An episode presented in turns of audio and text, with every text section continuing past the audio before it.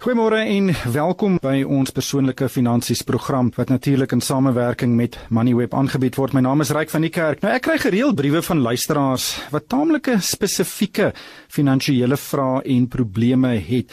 Maar soms kry ek verskeie briewe oor dieselfde onderwerp.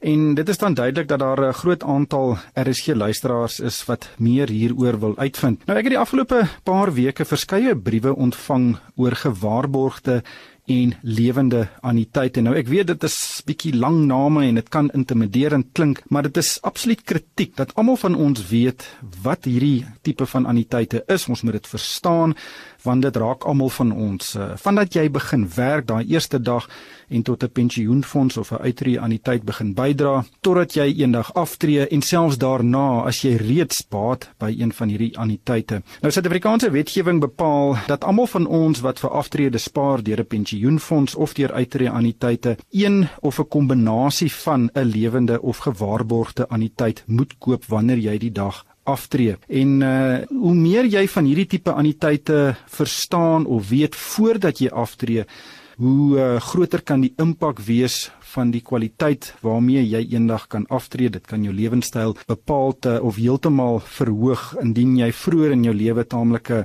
strategiese besluite neem. Nou hopelik kan ons vandag 'n bietjie die sluier lig oor hierdie tipe anniteite en om my te help is hier 'n absolute kenner saam met my in die ateljee en dit is Jaco van Tonder. Hy is 'n aktuaris by Investec Batebestuur en hy het die afgelope paar jaar regtig in diepte navorsing oor hierdie tipe anniteite gedoen. Jaco, welkom by ons program en uh, dankie vir die moeite wat jy gedoen het om in te kom. Môre ryk, môre vir die luisteraars. Ons uh, ja, ek sien uit na 'n lekker gesprek sessie. Ja, Jaco, ek het eh, 'n uh, brief gekry van 'n luisteraar wat ek as 'n basis wil gebruik vir hierdie gesprek omdat dit baie van die dilemmas en uitdagings en en probleme wat mense ervaar met anniteite uitlig. Maar voor ek die brief lees, kom ons begin net gou met die terme in eenvoudige taal. Wat is die verskil tussen 'n lewende en 'n gewaarborgde anniteit? Gewaarborgde anniteit is eintlik presies wat die naam sê. Die pensionaris koop die produk by 'n groot versekeringsmaatskappy tipies en uh, daardie versekeringsmaatskappy beloof dan dat hulle 'n sekere vlak van inkomste vir die res van daai pensionaris se lewe sal betaal met sekere vooraf ooreengekome verhogings. So die pensionaris wat in 'n waarborg anniteit belê, neem basies bitter min finansiële risiko en die pensionaris en sy of haar man of vrou het dan inkomste tot die dag dat hulle sterf. So al daai risiko's word uitgekontrakteer. So jy koop nou hierdie uh, gewaarborgde anniteit en dan weet jy ek het sê nou maar 5 miljoen rand pensioen en ek gaan elke maand gaan ek R20000 kry en daai bedrag gaan toeneem totdat ek met met die inflasiekoers byvoorbeeld tot die dag wat ek doodgaan. Korrek, dit is basies wat daai produk vir jou gee. Vaste verhogings en vaste inkomste tot die afsterwe van wie ook al die versekerde lewens is op die anniteit. Die nadeel is natuurlik as jy vroeër sou doodgaan dan uh, die kapitaal wat jy ingesit het gaan dan na die versekeringsmaatskappy toe. Korrek, wel eintlik gaan dit nie na die versekeringsmaatskappy toe nie, dit gaan in die pool in vir pensionaarsse wat weer langer lewe as wat die versekeraar verwag. So eintlik wat in 'n gewaarborgde anniteit gebeur is die langslewendheidsrisiko's word tussen die verskillende polishouers in dieselfde pool gemeng en daarom as jy vroeg te sterwe kom, korrek verloor jy al jou kapitaal, maar jou kapitaal word dan gebruik om vir mense te betaal wat langer lewe as wat die versekeraar gedink het. So die voordeel is jy kry dit vir jou hele lewe, die nadeel is as jy vroeg doodgaan, dan uh, gaan jy nie daai kapitaal aan jou uh, kinders byvoorbeeld kan nalat nie. Korrek, dis 'n baie netjiese opsomming. Dan lewende anniteite. Hoe verskil dit nou van 'n gewaarborgde anniteit? Die lewende anniteit is basies presies die teenoorgestelde van die gewaarborgde anniteit. So in die lewende anniteit word die geld in 'n rekening vir die pensionaris belê en die pensionaris kies 'n beleggingsportefeulje wat bestaan uit groeifondse en vaste rentefondse en ander bates. En al die beleggingsopbrengs op daai portefeulje word toegeken aan die pensionaris self. Die pensionaris kies hulle inkomste wat hulle wil trek en daardie inkomste word verhaal van die kapitaal en die beleggingsopbrengste word bygevoeg by die kapitaal. In kort is daai poolgeld die pensionaris se tot die dag dat die pensionaris te sterwe kom.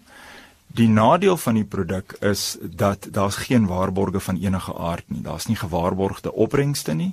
Daar is ook een geen waarborge in terme van die inkomste nie. So indien 'n lewende anniteit verkeerd bestuur word, dan kan die pensionaris uit kapitaal uithardloop voordat hulle te sterwe kom en en dit is natuurlik die situasie wat mense teen alle koste sou wou vermy.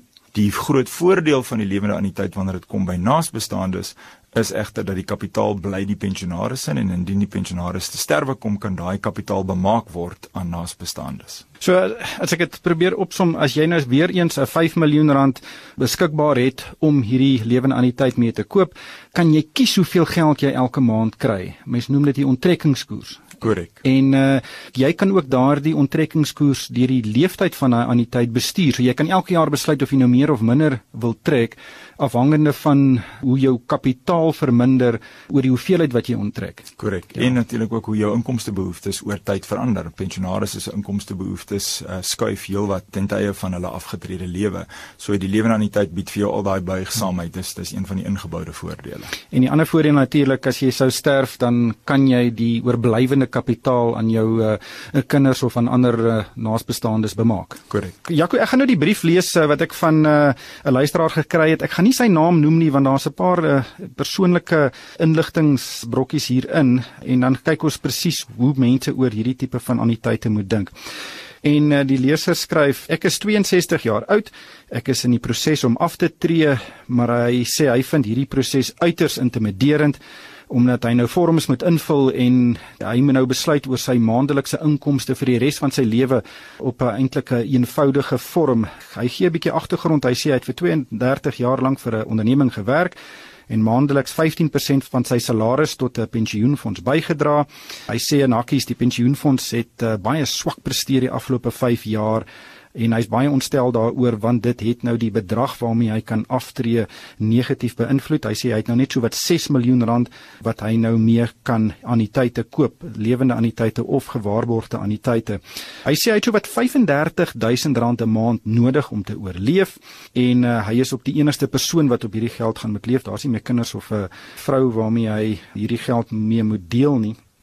En hy sê behalwe nou vir hierdie 6 miljoen rand het hy ook twee eiendomme wat hy uitverhuur en hy kry so 25000 rand 'n maand vir hierdie eiendomme, maar hy spaar 5000 rand vir instandhouding wat 'n baie goeie ding is dink ek. En uh die leser sê hy het dus aanvanklik net 15000 rand per maand van sy pensioengeld nodig om tussen sy eiendom en sy pensioen nou uit te kom met sy 35000 rand 'n maand. Hy sê ook en dit is baie belangrik Jaco, hy sê hy het altyd gedink hy het goed vir sy aftrede beplan, maar nou dat hy sy handtekening op 'n pink vorm moet sit om nou die aan die tyd te laat begin werk, is hy nie meer so seker hy kan gemaklik aftree nie en hy dink hy gaan dalk 'n bietjie te veel op sy huurinkomste moet staatmaak. Wat is jou algemene indruk van hierdie leser se diepe narie waarna hy homself nou bevind?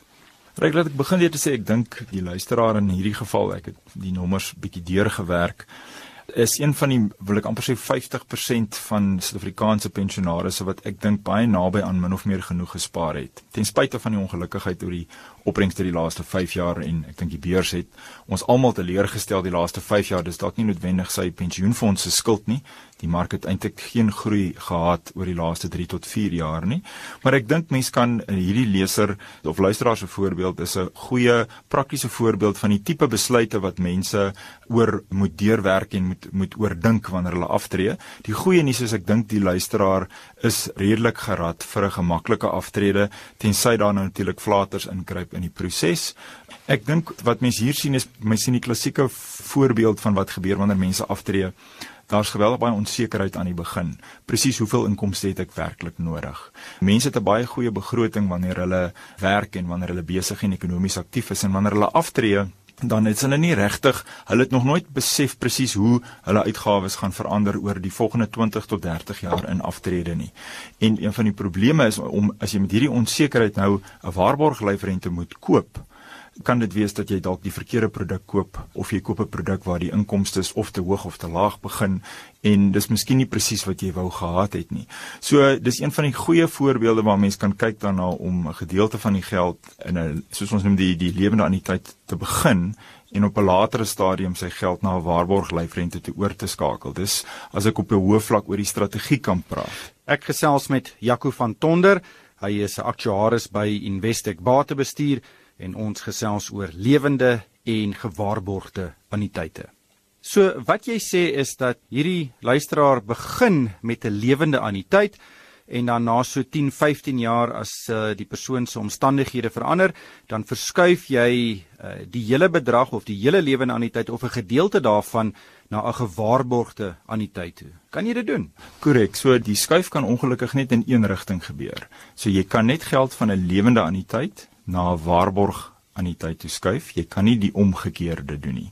Dit is ook hoekom dit vir mense baie keer baie stresvol is om die gewaarborgde anniteit op dag 1 te koop want jy kan nooit weer daar uit nie. Dis 'n groot probleem en seker een van die grootste nadele behalwe vir die feit dat jy jou kapitaal verloor indien jy vroeg te sterwe kom. Die ander groot nadeel is jy kan nooit weer uit daai waarborg tyd uit nie. As jy die kontrak geteken het, is hy vas vir die res van jou lewe. So baie pensionaarsse wat in in die luisteraar se posisie is, speel dit eintlik eers versigtig. Hulle koop die lewende anniteit aan die begin. Hulle trek die inkomste wat hulle nodig het. In die geval van die luisteraar gaan hulle dan aan met die huurinkomste soos wat dit daar is. Die luisteraar is nog jonk genoeg om die eiendomme te bestuur, is nie 'n probleem nie en hy hy doen dit al vir 'n geruime tyd, so dit is nie 'n uh, en hy het nou tyd as hy afgetree is om dit ook te doen. So hy kan aangaan met daardie uh, inkomste op daai eiendomme en die lewende anniteit.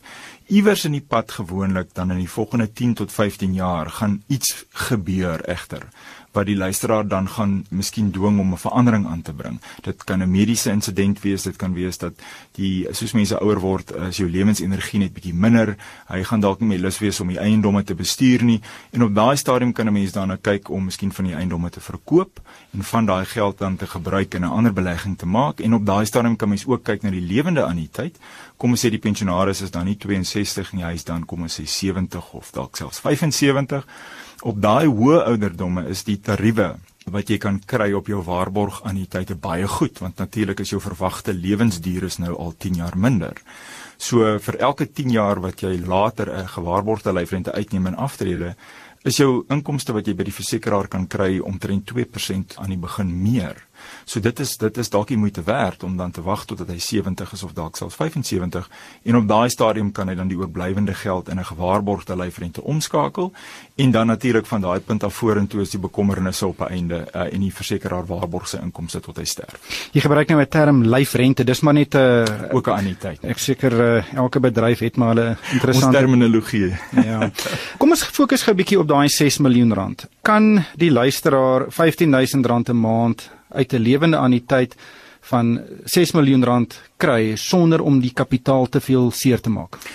Ryk die maklikste manier om daai vraag te antwoord is wat ek altyd vir luisteraars ook uh, aanbeveel is werk uit wat daai jaarlikse inkomste is. In die geval is dit nou R15000 'n maand maal met 12. Dan deel jy dit deur die kapitaalbedrag wat jy het om die inkomste te voorsien. So jy vat jou inkomstebehoefte voor belasting in randterme vir die jaar en jy deel dit deur jou kapitaal wat jy beskikbaar het en ek het die som gedoen in die geval van hierdie luisteraar en die R15000 'n maand uit 6 miljoen rand se kapitaal kom neer op 'n 3% inkomste onttrekkingskoers.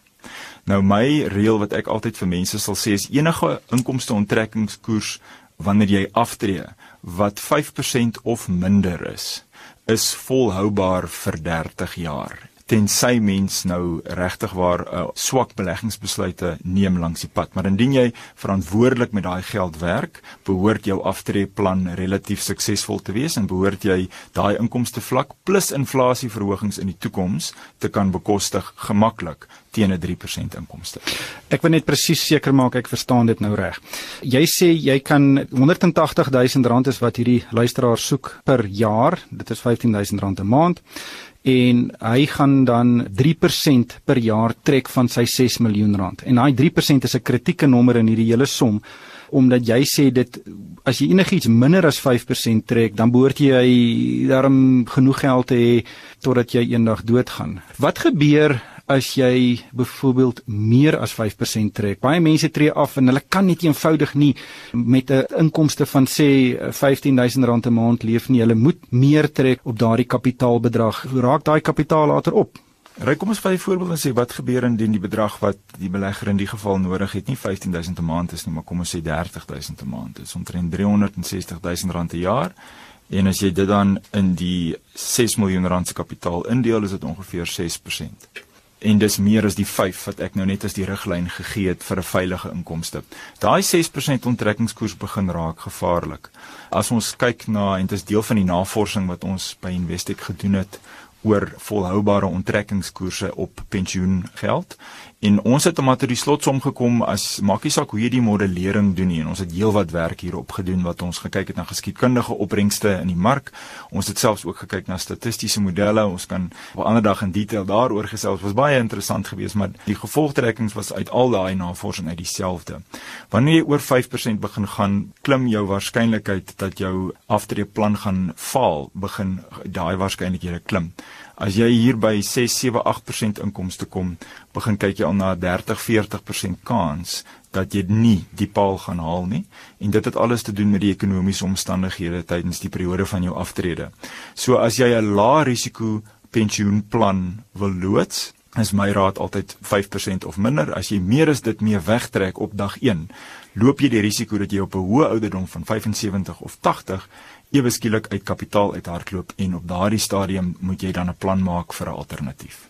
En dan word hierdie pensionaars se probleem nou weer die probleem van die kinders of ander naasbestaandes. Korrek. Ek gesels met Jaco van Tonder. Hy is 'n aktuaris by Investec Batebestuur en ons gesels oor lewende en gewaarborgde anniteite. Ek sien hierso navorsing wat die Vereniging vir Spaar en Belegging in Suid-Afrika gedoen het, dis die uh, Assisa groep. Hulle sê die gemiddelde onttrekkingskoers in Suid-Afrika is omtrent 6,6%, wat hoër is as daai 5% wat jy nou genoem het as 'n riglyn. So dit beteken meeste Suid-Afrikaners trek meer as wat hulle moet en hulle staan 'n kans om uh, op 'n hoë ouderdom nie meer uh, 'n uh, pensioen te kan kry nie. Ryk ja en nee. Oppas vir 'n gemiddeld. 'n Gemiddeld het 'n neiging om baie detail weg te steek. As 'n mens daai 6.6% afbreek en jy gaan kyk na verskillende kategorieë en ouderdomsgroepe, dan kom jy agter dat 'n gedeelte van wat jy sê wel waar is. Daar is 'n in ons hoë vlak opinie dink sou ek sê ons reken dat omtrent 10% van lyfrentes is in 'n gevaarlike posisie dat hulle heel moontlik nie mense se verwagte leeftyd gaan oorleef nie. Dis baie moeilik om te skat of weet lyfrentes of anniteite in die geval die enigste geld is natuurlik wat mense het. Dit is wat ons as die produkverskaffers nooit werklik waar weet nie want ons weet nie wat se ander geld 'n pensionaris tot hulle beskikking het nie. So die feit dat uh, lewende anniteit se geld uithardloop beteken nie noodwendig dat daardie pensioenplan 'n mislukking was nie. Daar kan ander geld wees. Ons sal dit nooit weet nie. Maar kom ek sê as mens net kyk na die lewende anniteite, lyk dit asof daar so 10% is waar mense te veel trek. Die 6.6% gemiddeld, as jy kyk oor 'n 30 jaar periode, dan moet jy aan die begin van daai 30 jaar periode wegtrek met kom ons sê 4 of 5 Maar soos wat daai pensionaris ouer word, is dit heel korrek dat die inkomste vlak klim. So teen die tyd wat die pensionaris miskien uh, 75 is, is dit normaal vir daai uh, lewende anniteit se onttrekkingskoers om 'n 8 of 'n 9% te wees. Dis nie 'n probleem nie. Dit gaan oor daai wegtrekkoers. Dis eintlik die groot besluit. Maar uh, jy's 'n slim aktuaris en daar's 'n klomp ander slim mense by Investec Batebestuur. Dit hang seker baie af van hoe goed hulle jou kapitaal bestuur want daai kapitaal kan groei terwyl jy aftree. Hoe kan 'n uh, pensionaris uh, enige invloed hê op die keuses van waarin uh, jy sy geld of uh, haar geld belê? Ja, reikene in 'n lewende anniteit. So ek sê daar's twee, jy raak nou in een van die twee regtige kritieke pilare wat mens deurlopend moet bestuur indien jy 'n pensionaris is wat in 'n lewende anniteit belê is. En daai twee pilare is natuurlik hoe jy jou inkomste elke jaar hersien En die tweede pilaar is hoe jy die beleggings binne in die lewende anniteit bestuur. Nou, jy raak nou aan daai een van die pilare oor hoe jy die beleggings bestuur.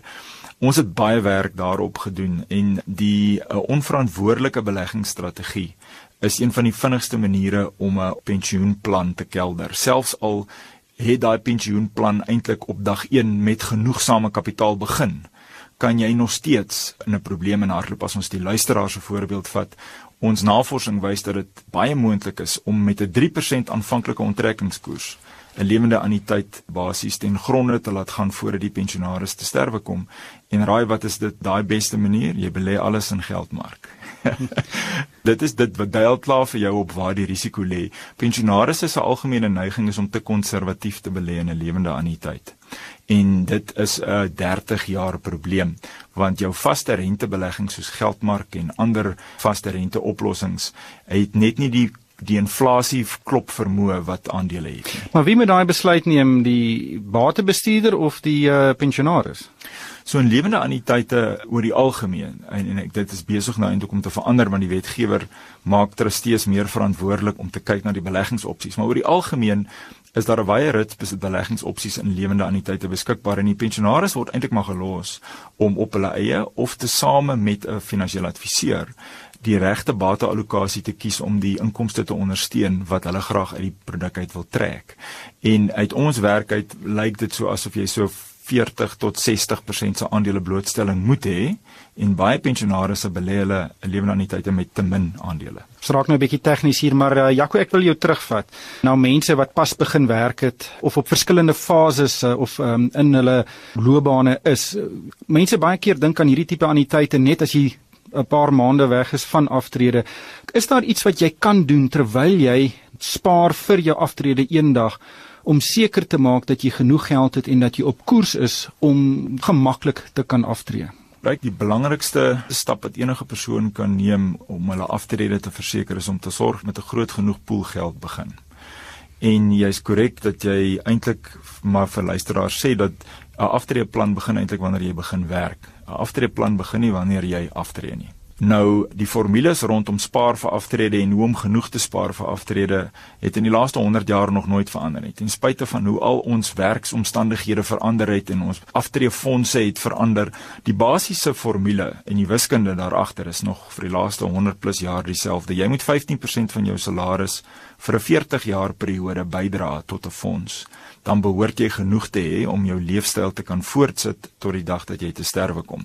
Dis die basiese formule en snaaks genoeg, dit het nog nooit verander nie. So as jy op 65 wil aftree, moet jy al op 25 jaar 15% van jou salaris begin wegsit. Korrek. Die wiskunde daar agter is regtig, ek wil nou nie te veel daaroor praat nie, maar ek miskien een voorbeeld vir mense noem. Baie mense besef nie dat die helfte van die geld waarmee jy aftree die dag op as jy op 60 of 65 wil aftree. Die helfte van daai pot geld wat jy kry, kom van die kapitaal wat jy bygedra het in die eerste 10 jaar van jou spaar siklus. So daai klein bedragie geld wat jy in jou 20s afgeknyp het om weg te sit tussen jou 20s en jou 30s, groei tot die helfte van jou aftreepot wanneer jy 65 is die wonder van saamgestelde rente. Korrek. Maar as jy nou sê nou maar jy's in jou 30s of 40s uh, of selfs so 10 jaar voor jy aftree, is daar 'n 'n paar duimreëls wat jy kan gebruik om seker te maak jy's dan op koers? Ja, daar is ons weet waar jy ons mik, so mense kan van daar af terugwerk om te sê kan ons vir onsself 'n paar padtekens langs die pad gee om te sien of ons dan teen die regte tempo ry. Jy ongeveer by 'n 18 of 'n 19 keer jou salaris wil kom as kapitaalbedrag. Dit is die omgekeerde van die 5% reël wat ons nou oor gepraat het. So wanneer jy aftree, weet jy, soek jy omtrent 18 tot 20 keer jou salaris op daai stadium in jou pensioenfonds. Dis jou teiken. So kom ons werk van daar af terug. Jou jaarlikse salaris. Korrek, ja. Dit is 'n groot bedrag geld. So as my wiskunde my nou nie in die steek laat nie, vir elke R10000 wat jy wil verdien met aftrede, het jy so wat 2.2 tot 2.4 miljoen rand nodig. Dis wat mense nie besef nie. Ek bedoel in die geval het ons die luisteraar wat ons hier het, het toevallig presies op daai nommer uitgekom. Dit is as ek sy huurinkomste en sy huureiendomme bymekaar tel tesame met sy pensioenfonds, het hierdie luisteraar basies presies 20 keer sy inkomstebehoefte in kapitaal gespaar op ouderdom 63. Dis hoekom ek sê hy is hy behoort sy sy aftreeplan te kan laat werk. Net laastens hier tyd haal ons in uh, Jaco, wat is die grootste foute wat jy kan maak? Tydens jou uh, loopbaan of die tyd waar jy werk wat jou aftrede eendag gaan beïnvloed? Daar's 'n paar groot flaters ryk. Ek dink die grootste twee is dat jy begin te laat spaar. Jy dink dat jou geld met ander woorde wat jy verdien in jou 20s kan tog nie 'n wesenlike bydrae tot jou aftrede lewer nie. Ons het nou nog gepraat oor hoe verkeerd dit is. So jy spaar te min, jy begin te laat en miskien 'n derde een jy doen wat baie mense deesdae doen is wanneer jy van werk verander dan neem jy jou opgelope pensioenfondsbedrag, jy neem dit in kontant wanneer jy jou vorige werkgewer verlaat in plaas van om dit oor te dra na jou nuwe werkgewer toe. Maar dit is so aanloklik. Jy kan uh, toegang kry tot 'n groot hoop geld en dan kan jy vir jou 'n nuwe kar gaan koop. Dit klink soos 'n baie aantreklike alternatief ryk, maar die langtermyn impak daarvan is absoluut katastrofies. Ek dink seker die enkele grootste flater wat jy kan doen is om op 'n gereelde basis elke keer wanneer jy van diens verander of van werkgewer verander om jou aftrek kapitaal in kontant te vat. Dit is 'n totale flater. Mense wat dit doen op die einde van die dag gaan op ouderdom 40 agterkom, hulle het nog nie eers een keer hulle jaarlikse salaris op ouderdom 40 in hulle pensioenfonds nie. En ter as jy op ouderdom 40 is, dan moet jy alreeds omtrent 5 keer jou salaris wat jy op ouderdom 40 verdien, moet jy alreeds gespaar hê om op koers te bly om by ons nommer van 18 tot 20 keer uit te kom op ouderdom 65. Mense besef nie op ouderdom 30 30 is 'n jong ouderdom. Moet jy reeds 2 keer jou salaris wat jy op ouderdom 30 verdien, moet jy alreeds in 'n pensioenfonds hê, dan sê op koers. As jy die helfte van jou salaris op ouderdom 30 in jou pensioenfonds het, is jy nie op koers nie. Dis baie ingewikkeld. Ongelukkig gaan ons hier met haltroep. Uh, Jaco baie dankie vir die moeite wat jy gedoen het om in te kom vandag. My plesier, dankie Ryk. Dit was Jaco van Tonder, hy's 'n uh, aktuaris by Investec Batebestuur wat so lekker gesels het. En daarmee moet ek groet van myself Ryk van die Kerk. Dankie vir die saamluister.